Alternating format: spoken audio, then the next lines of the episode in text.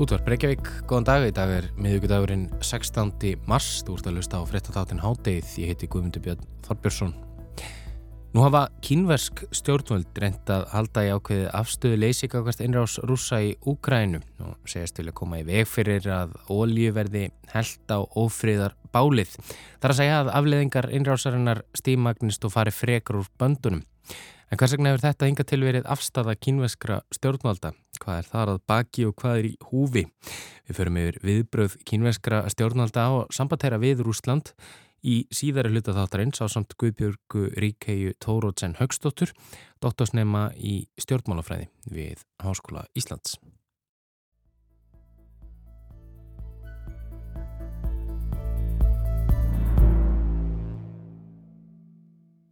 Og við byrjum á svipuðum nótum, en það er innrás rúsa í Úkrænu yfir og allt um kringi fréttum þessa dagana. Vladimir Putin, rúslandsfósiti, segist nú reyðbúin að flytja um 20.000 sírlenska sjálfbóðlega til að berjast í stríðinu í Úkrænu. Það er svipaðar fjöldi og Úkrænu menn segja að hafi gengið til liðs við sínarsveitir erlendis frá. Munurinn er hins vegar sá að þessir sírlenska herrmenn eru þrautireindir eftir langt borgarastríð þessum stríðskleipir voru framdyrt til að ná fram markmiðum Assad stjórnarinnar. Hvað þýðir þetta fyrir stríði í Ukrænu og af hverju er Assad að senda herlið þangað? Hinga er sestur hjá okkur Gunnar Rapp Jónsson, bladamæður og sérfræðingur í málöfnum Míða Östurlanda og Alþjóða stjórnmálum. Velkomin Gunnar. Takk. Takk. Eh, nú sjáum við rúsa Já, þeir veitir náttúrulega Assad mikla aðstóð í, í stríðin í Sýrlandi. Er Assad núna að gælda greiðan einhvern veginn tilbaka? Það má segja það. Sjálfsögðu er þetta ekki á, á sama skala og rúsar gáttu gert fyrir hann. Þeir unnu mörguleiti stríði fyrir hann með lofthernaði. Þeir gáttu uh, ráðist á Ísis og, og aðrar uppreysna sveitir úr lofti og uh, hjálpuðu gríðilega til með, með að þjálfa mannabla Assads á sinn tíma þannig að hann getur kannski aldrei borga þá skuld al almenlega tilbaka en með því að lýsa því yfir að hann alltaf að senda 16.000 og núna segja 20.000 af sínum bestu mönnum, mönnum sem hafa verið á vývellinum árum saman og eru þraut þjálfaðir sérstaklega í að berjast húsa á milli inn í borgum. Hann alltaf að senda þessar sveitir á framlínuna. Uh, hann voru hendar búrist og óstafesta fréttir að þeir veri ekki sendir endilega á framlínuna heldur kannski verði að hafa þeir sem uh, vara sveit tilbaka. En enga síður að þá er uh, þessi hér Assads enga uh, síð, ekki sérstaklega vopnum, völvopnum búin en þeir þekkja rúsnesk vopn og þeir eru þjálfaðar eins og ég segi í að berjast við þessar aðstæður sem eru núna myndast í kringum borginnar þar sem er verið að umkringja borgin eins og Mariupol þar sem að um, menn hafa og rússar hafa reynd að, að segja Mariupol síðan svo að Leppo í Sýrlandi. Þar séu riðiverka bæli og það þurfu bara að útrýma borgin í raun og veru. Mm -hmm. Mm, einmitt og, og sem, er, sem er svona hluti af, af þeirra náttúrulega, það er bara ekki satt.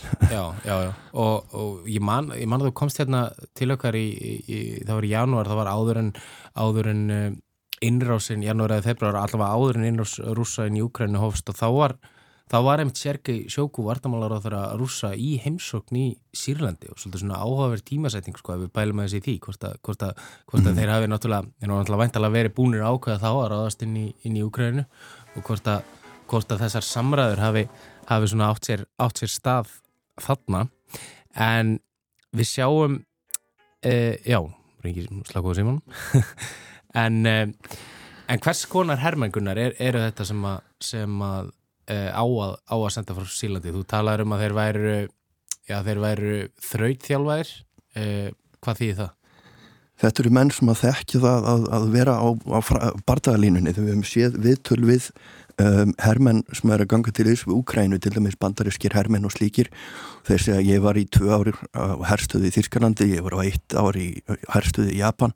Þetta er ekki menn sem eru búin að vera að berjast hendilega kannski mikið í Írak og Afganistan því að uh, að hefur ekki farið mikið fram á síðust árum. Mm -hmm. Eins og það eru þessi sílensku hermenn að koma út úr gríðarlega miklu hérna, öngþveiti þar sem að þeir hafa haldið velli og sínt það að þeir hafa skipulagshæfileika til að umkringja borgir og, og taka þeir og taktikinn sem að, að bæði rússar og sílendingar notuðu þar var að umkringja líkilborgir eins og þeir eru að reyna að gera núna og síðan beita uh, gríðarlegum loftárásum og stórskotaliði til að uh, reyna að veru bara þrýst á uppgjöf það, það er ekki vatn, það er ekki ramagt það er ekkert mm -hmm. samband við neitt fólk er bara algjörlega umsetið í þessum borgum og þeir eru reyna held ég að vonast til þess að að þeirri almennu borgarar sem að þeir eru að reyna að segjast hleypa út fari svo þau geti jafnað bara borgina við jörðu og sagt það var engin eftir að nefna hriðverkamenn. Mm -hmm.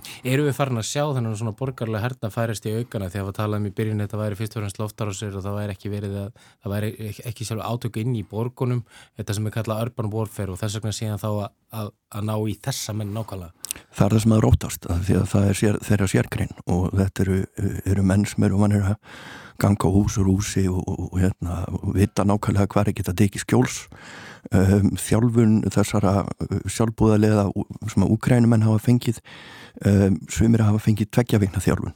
Mm. Ég sá uh, myndband af, af þjálfunarnámskeiði þar sem man, maður var að klára þjálfunarnámskeiði sem hann var tvær vikur og þá fekk hann í fyrsta skipti að skjóta rifli hann fekk skjóta tíu skotum af því að það er mjög lítið um skotfæri í, í Úkrænu mm -hmm. þannig að þeir voru að senda þarna einn mann bandarískan mann sem hefði aldrei barist áður sem hafi skotið tíu hefði verið flu á æfinni mm -hmm. um, ég gef honum ekki mjög góðan sjans á móti uh, her sveitum Assads.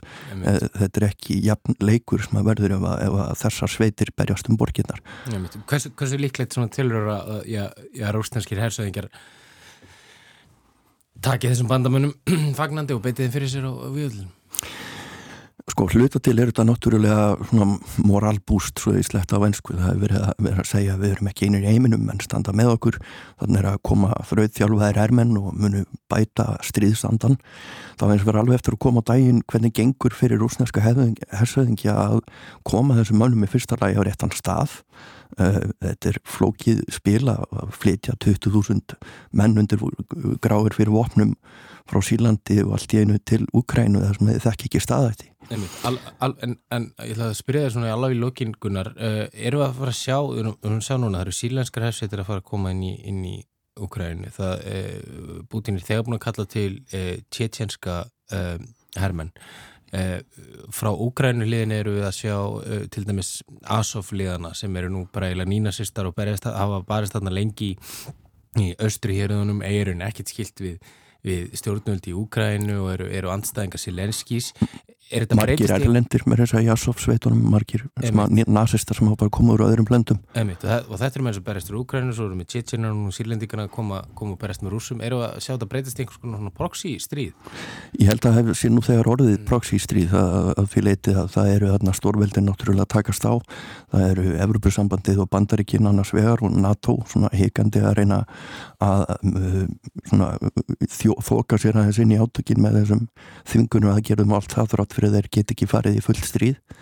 Og uh, svo sjáum við uh, að uh, kynverjar eru fannir að, að láta þessi taka eins og verður rætt hérna á eftir í utaríkismálum og, og, hérna líta kannski á sig sem einhvers konar málamiðlara. Um, helsti málamiðlar sem mennur en tala um núna eru reynda Tyrkir því að það er talið að Putin treysti fáum öðrum betum en Tyrkjum. Emmitt og sem verður að stega ja, ágætti samband við, við NATO uh, á, á móti. En Já og er, og er í NATO. Einmitt. en uh, við komumst í mér ekki lengra með þetta. Kæra það ekki fyrir komin í háttegið Gunnar Rapp Jónsson. Háttegið heldur aftur uh, snýr aftur að strax að loknum háttegisfréttum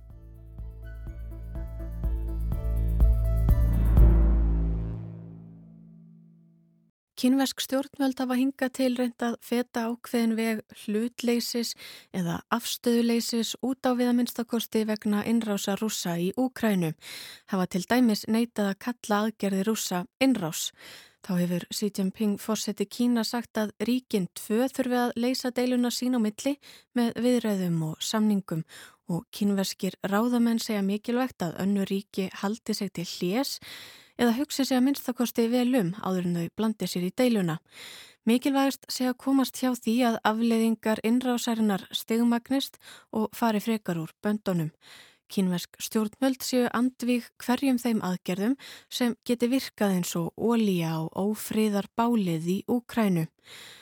En svo bárust í upphafi vikunar fréttir af því að rússar hafðu óskað eftir aðstóð kynverja, hernarlegu og efnahagslegu liðsinni þeirra, svo sem við að sneiða hjá viðskiptaþvingunum Vesturlanda. Ekki fylgdi sögunni hvort kynverjar hefðu brúðist við beðninni. Líu Pengjú, talsmaður kynverska sendiráðsins í bandaríkjónum, sagðist ekkert kannast við slíka beðni. Bandarískir embættismenn voru þó fljóttir að vara kynversk stjórnvöld við að leggja rúsum lið og vöruð við alvarlegum afleðingum þess. Jake Sullivan, þjóðaröryggis ráðgjafi bandaríkja stjórnar, sagði grant fylst með því hvort kynverjar hlipundi bakka með rúsum og var einhver merkjum það er því hart bröðist við. En hvers vegna hafa kynversk stjórnvöld valið sér þessa afstöðu og ákveða breyðast við með þessum hætti? Er þeim svo andum að venda sambandsitt við Rúsland eða eru þau svona andvig bandaríkjónum? Hvaða áhrif hefur innrás rúsa í Úkrænu afsakið á Kína, á ímynd stórveldisins út af við og samband Kína og Rúslands? Guðbjörg Ríkei Tórótsen Haugstóttir doktorsnemi í stjórnmálafræði við Háskóla Íslands er sest hér hjá okkur og ætlar að hans að fara yfir stöðuna með okkur. Velkomin Guðbjörg. Takk. Hvað telur þú að sé að baki viðbröðum Kína við innrás rúsa í Úkrænu? Af hverju að reyna að feta þennan veg, þennan óljósa veg ákveðins afstöðleisis? Já, ég held að ef við horfum á hagsmunni Kína, hver, hver eru hagsmunni Kína í þessu máli, þá er við uh, á einbógin að líta til eins helsta pólitíska samstarfsríkis eh, Kína, þar að segja Rúslands, á móti eh, helstu viðskipta ríkjum Kína sem eru þar að segja Bandaríkin og svo Evrópasambandið í hilsinni. Um, frá því að Xi Jinping tók við völdum þá hafa, hefur samskipti Rúslands og Kína hafa þau aukist um, verulega og árið 2019 komu ríkin til að mynda á strategísku sambandi og hafa frá ánum 2015 eh, haldið nokkra sameilegar heræfingar. Xi Jinping hefur líka kallað Putin sinn nánasta og besta vinn mm -hmm. og svo má nefna að Rúsland hefur skrifað undir eh, þáttöku í belt og braud kínverska innvið og fjárfestingaverkefninu. Og svo ef við lítum örlíti nær í tíma, þá fyrir þreymur vikum fyrir innrásina í Úkrænu, þá lístu Kína og Rúslandi yfir að samskipti ríkjana ættu sér engin takmörk á sama tíma og skrifa var undir kaup á kveiti, ólíu og gasi. Uh, og eins og ég nefni þá, þá eru miklir hagsmunir, efnahagslegir hagsmunir sérstaklega það kemur að samskiptum við bandaríkin og Evrópusambandið. Þannig að ég held að rauða línan hjá kynvísku stjórnaldum er að þetta verða ekki sjálft fyrir efnahagslegum þvingunum. En að samaskapi er erfitt fyrir Kína að réttlæta þessa innrás. Eh, Kína hefur eh, í sinni utryggistefnu hamrað á því að virða eigi fullveldi allra ríkja og ekki eigi að skipta sér að innanríkismálum. Svo kemur hér Putin, eh, helsti, besti og nánasti vinnur Xi Jinping og segist ætla að frelsa Úkrænu frá nazistum og dópistum. Og þetta er auðvitað erfitt að réttlæta fyrir kynviskum almenningi. Mm -hmm. Þannig að stefnan í kynviskum ríkismiðlum hefur verið svolítið á þá leiða að hamráð þetta sé einstaka hernaraðgerð, að uh, útvíkunarstefnu eða útþenslustefnu allansafsbandalagsins sé um að kenna uh, og verða í öryggishagsmunni allra aðila eða begja aðila og þarnig er þetta svolítið að sveia frá framhjá þessari umræði um fullveldi mm. og er raun og veru að segja að saga Úkrænus í flókin. Þetta er svo litið stefið raun og veru frá Moskvu sem þeir eru svo litið að taka upp og, og, og, og dreifa út. Einmitt, þannig að þetta kannski setur uh, Kína í svolítið erfiða stöðu. Sko þau, þau virðast kannski ekki út á við vera í raun afstöðulegs eða hvað og einst þá hugsa maður talar um kannski hvernig fjallað er um þetta uh, fyrir kynverskum almenningi, hvernig það er að réttlæta uh, stríðið, en vitu við eitthvað um hver afstæða kynversku þjóðarinnar er?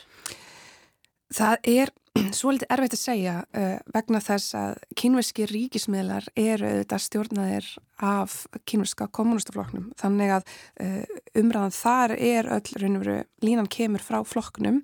En hins vegar ef við horfum til netheima og hvernig netverjar, kynverski netverjar er að ræða saman þá eru harkalegar deilur um þetta og það er á báða búa með eða móti innrásinni.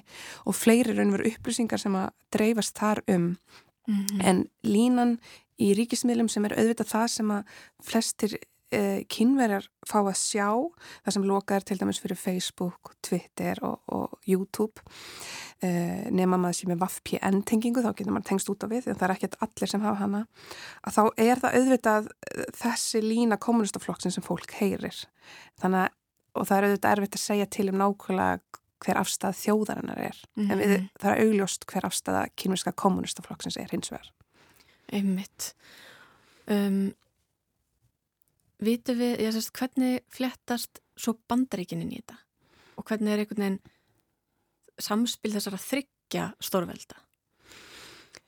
Já, um, eins og ég nefni þá er þetta þessir efnahagslegu hagsmunir og svo þessir pólitísku og við sjáum að síðslegin ár hefur auðvitað blásu kvöld á milli Kína og Bandaríkina mm. e, tímum fórsetta T.R. Trumps þá var þetta komið á e, auknum tollum á, á hérna, stálframlöslu frá Kína og reynir verið að vera að tala um viðskiptastríð mm -hmm. en þessi stefna, hún hef, hætti ekki með Trump, reynir verið hefur bæten haldið henni áfram og svo auðvitað móti hafa Kína Kínustjórnvel sett á vendunatolla á bandarískar vörur Já. þannig að það er auðvitað búið að vera svolítið styrt þar á milli en enga síður er viðskiptahagsmunir bæði bandaríkjan og Kína að halda þeim viðskiptunum áfram eru auðvitað gífurlegir. Mm -hmm. Og maður að sé að það með þetta sko ríkin verðast vera svolítið svona að uh, voru að vara hvort annað við uh, sína millið mitt, úrst Kína byggja leiðtóa vestuveldana að gæta þessum neikvæðu áhrifum sem þau talum sem varandi, viðvarandi stækku NATO til austurs og eins Núna þar sem ég nefndi henni upp hafi að, að greint að veri frá því að rússar hafi leitað hernaðar og efnahagslegs liðsynni kynverja og svo viðbröð bandar ekki manna við því að vara kynverjum við afleðingum, uh, hugsanum afleðingu þess að verði við þeirri bón. Heldur þau að það séu einhverja líkur á því að kynverjar hafi nú þegar uh, sínt stuðning í verki með Rúslandi eða að þau muni ymitt verða við þessari bón? Það er ótrúlega erfitt að segja. Um, en við vitum að það eru samningar á milli Rúslands og Kína um, um kaup á, á vopnum. Það mm. eru vopnarsamningar í gildi eh, hvort að þeir verði virkjar núna ymmið þegar augu heimsins eru á Úkrænu að, að það er að segja að, að Kína held ég vilja ekki koma út þannig að þau séu bókstálega að veita hernaðaraðstóð með sölu á hernaðargögnum mm -hmm. Um, en þannig fléttast þau þessar ásakanir um falsfréttir inni og, og það kannski ljóst þeir vilja allavega ekki líta þannig út á við að þeir séu að veita hernaðaraðstóð og, og hérna og hafa líka hafnað því að leginunni þjónasta bandaríkjana hafi varað kynustjórnvöld við og svo móti hafa bandaríkinu þetta ásakað Rúsland og Kína um að drifa falsfréttum hvað var þar að bandaríkinu og Úkrænu sé að þróa efnavapn í Úkrænu. Mm -hmm. Þannig að kannski áður höfum við kallað þetta kannski áráður en núna kallum við þetta falsfréttir og, og það er svolítið áhugavert að fylgjast með þessum uh, skotum fram og tilbaka. Einmitt það hefur verið það.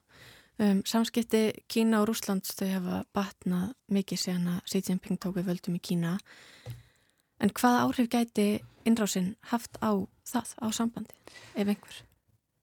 Ég held að þetta koma allavega Kína í mjög erfa stöðu af því að það er alveg ljóst að Kína vil halda áfram pólitísku sambandi við Rúsland og það er auðvitað ákveðin afstafa að láta ekki á efnahagsenganir mm -hmm. þrátt fyrir að segja að það sé svo mikilvægt að verða fullveldi og, e, og haldarunni verið þessum samskiptum áfram og það er afstafa að kalla þetta ekki innrás.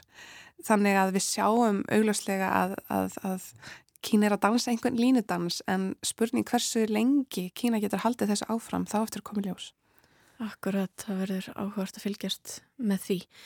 Um, við rættum aðeins uh, um það í gær síðan aðkomu Indlands að þessu. Þetta eru, já, það er eins og flest ríki heims sko geti engin ekki látið innrásna sem var það. Akkurat, uh, það er svolítið áhugast að fylgjast með Índlandi því að eins og Kína þá í, í öryggisráðu saminu þjóðanar þá satt Índland hjá mm -hmm. uh, þegar kosi var um fordæming og innrásinni og eins og við flest munum þá, þá notaði Rúsland neitunum allsitt uh, gegn þeirri álíktun.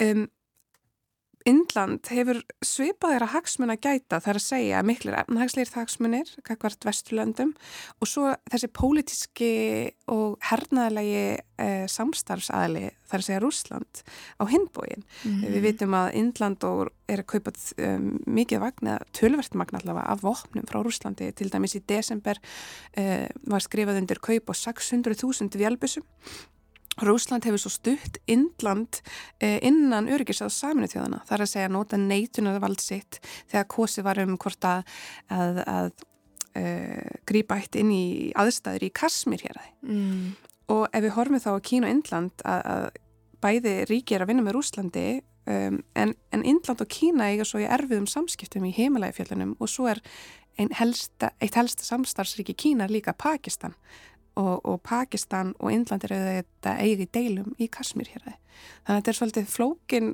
staða hér þannig að Kína og Indland verðast verða að taka að einhver leiti svipaðastöðu eh, gagvart innrásin í Ukrænu en auðvitað til þess að styrkja samskipti sín við rúsa til, til að vega móti sikkuru ríkinu ef svo má að segja.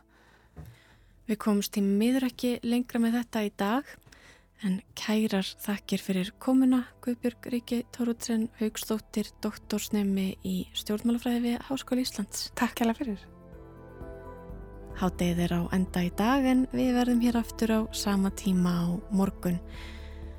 Þátturinn er einnig aðgengilegur í spilaranum og hlaðvarpsveitum og alltaf er hægt að senda okkur post með ábendingum á netfangið háttegið hjá rúf.is. Verið sæl.